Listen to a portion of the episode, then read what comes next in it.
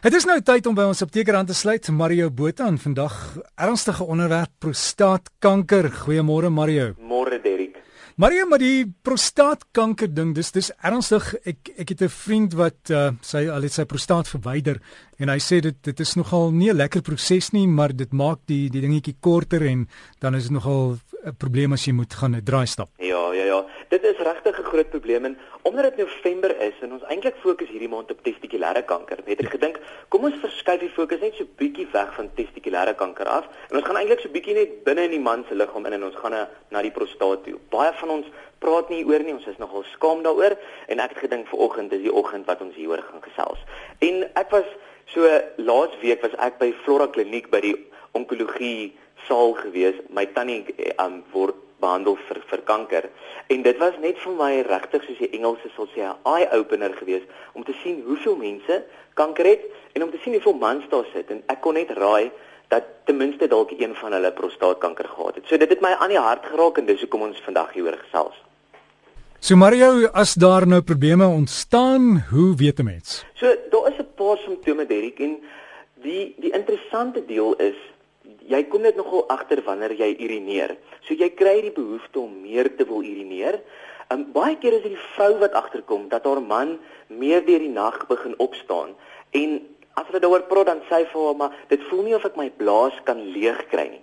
En dit is gewoonlik 'n klein teken, maar verseker 'n teken dat daar iets met die prostaat verkeerd is.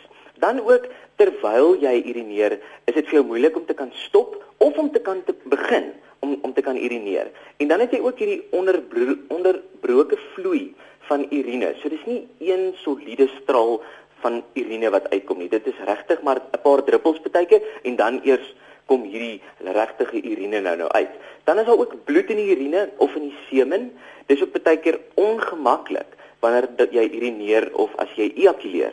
En dan 'n laaste teken is lae rugpyn. En die lae rugpyn is 'n slegte teken want dit beteken die prostaatkanker het dalk 'n bietjie al versprei. Maar as jy sukkel met urine en met urineprobleme en jy's 'n man, dan moet ons daarna kyk en een van die gevalle is ons moet kyk na jou prostaat. En dit kan ook wees dat jy 'n vergrote prostaat het of dat jy prostatitis het.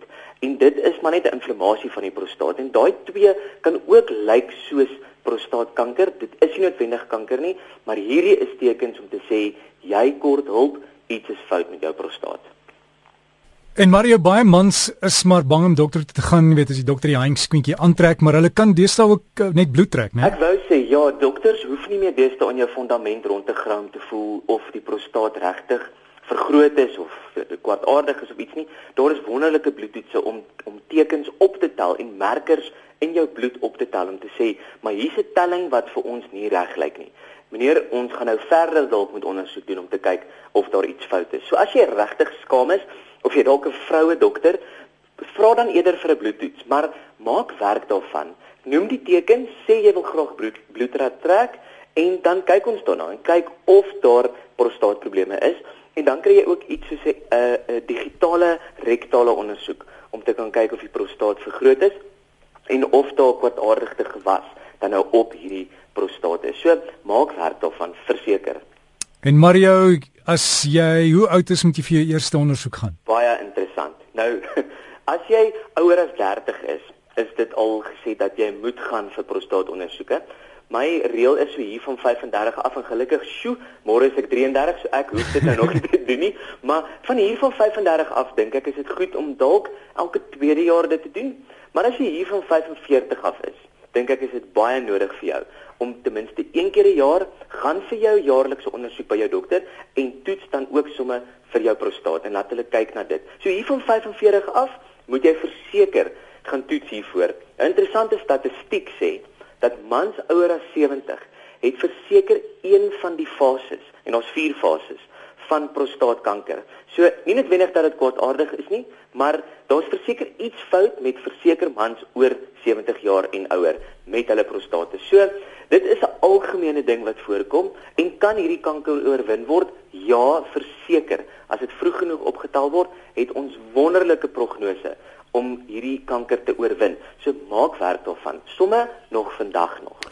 So Mario, jou Facebook gaan jy die inligting vir ons daar laai? Ek baie gesukkel om te kan post op Facebook, maar ek kan vandag vir eerste keer weer in 'n baie lang tyd so met die grootste liefde gaan ek alles daar opsit. En as daar mans is wat skaam is om met enige iemand daaroor te praat, ons ken mekaar nie, maar stuur sommer vir my 'n boodskap op Facebook en noem vir my jou simptome en dan kyk ons hoe ons vir jou kan help. So gesels ons met Mario Botha, hy's apteker en onthou, ons gesels oor dinge hier op die radio, maar asseblief gemaak ek 'n draai by jou dokter, bespreek dit ook met hom, jou huisdokter, en jy kan Mario soek op Facebook, is Mario Botha apteker. Hy het nie hy het nie hare nie, jy sal sy foto daar kry.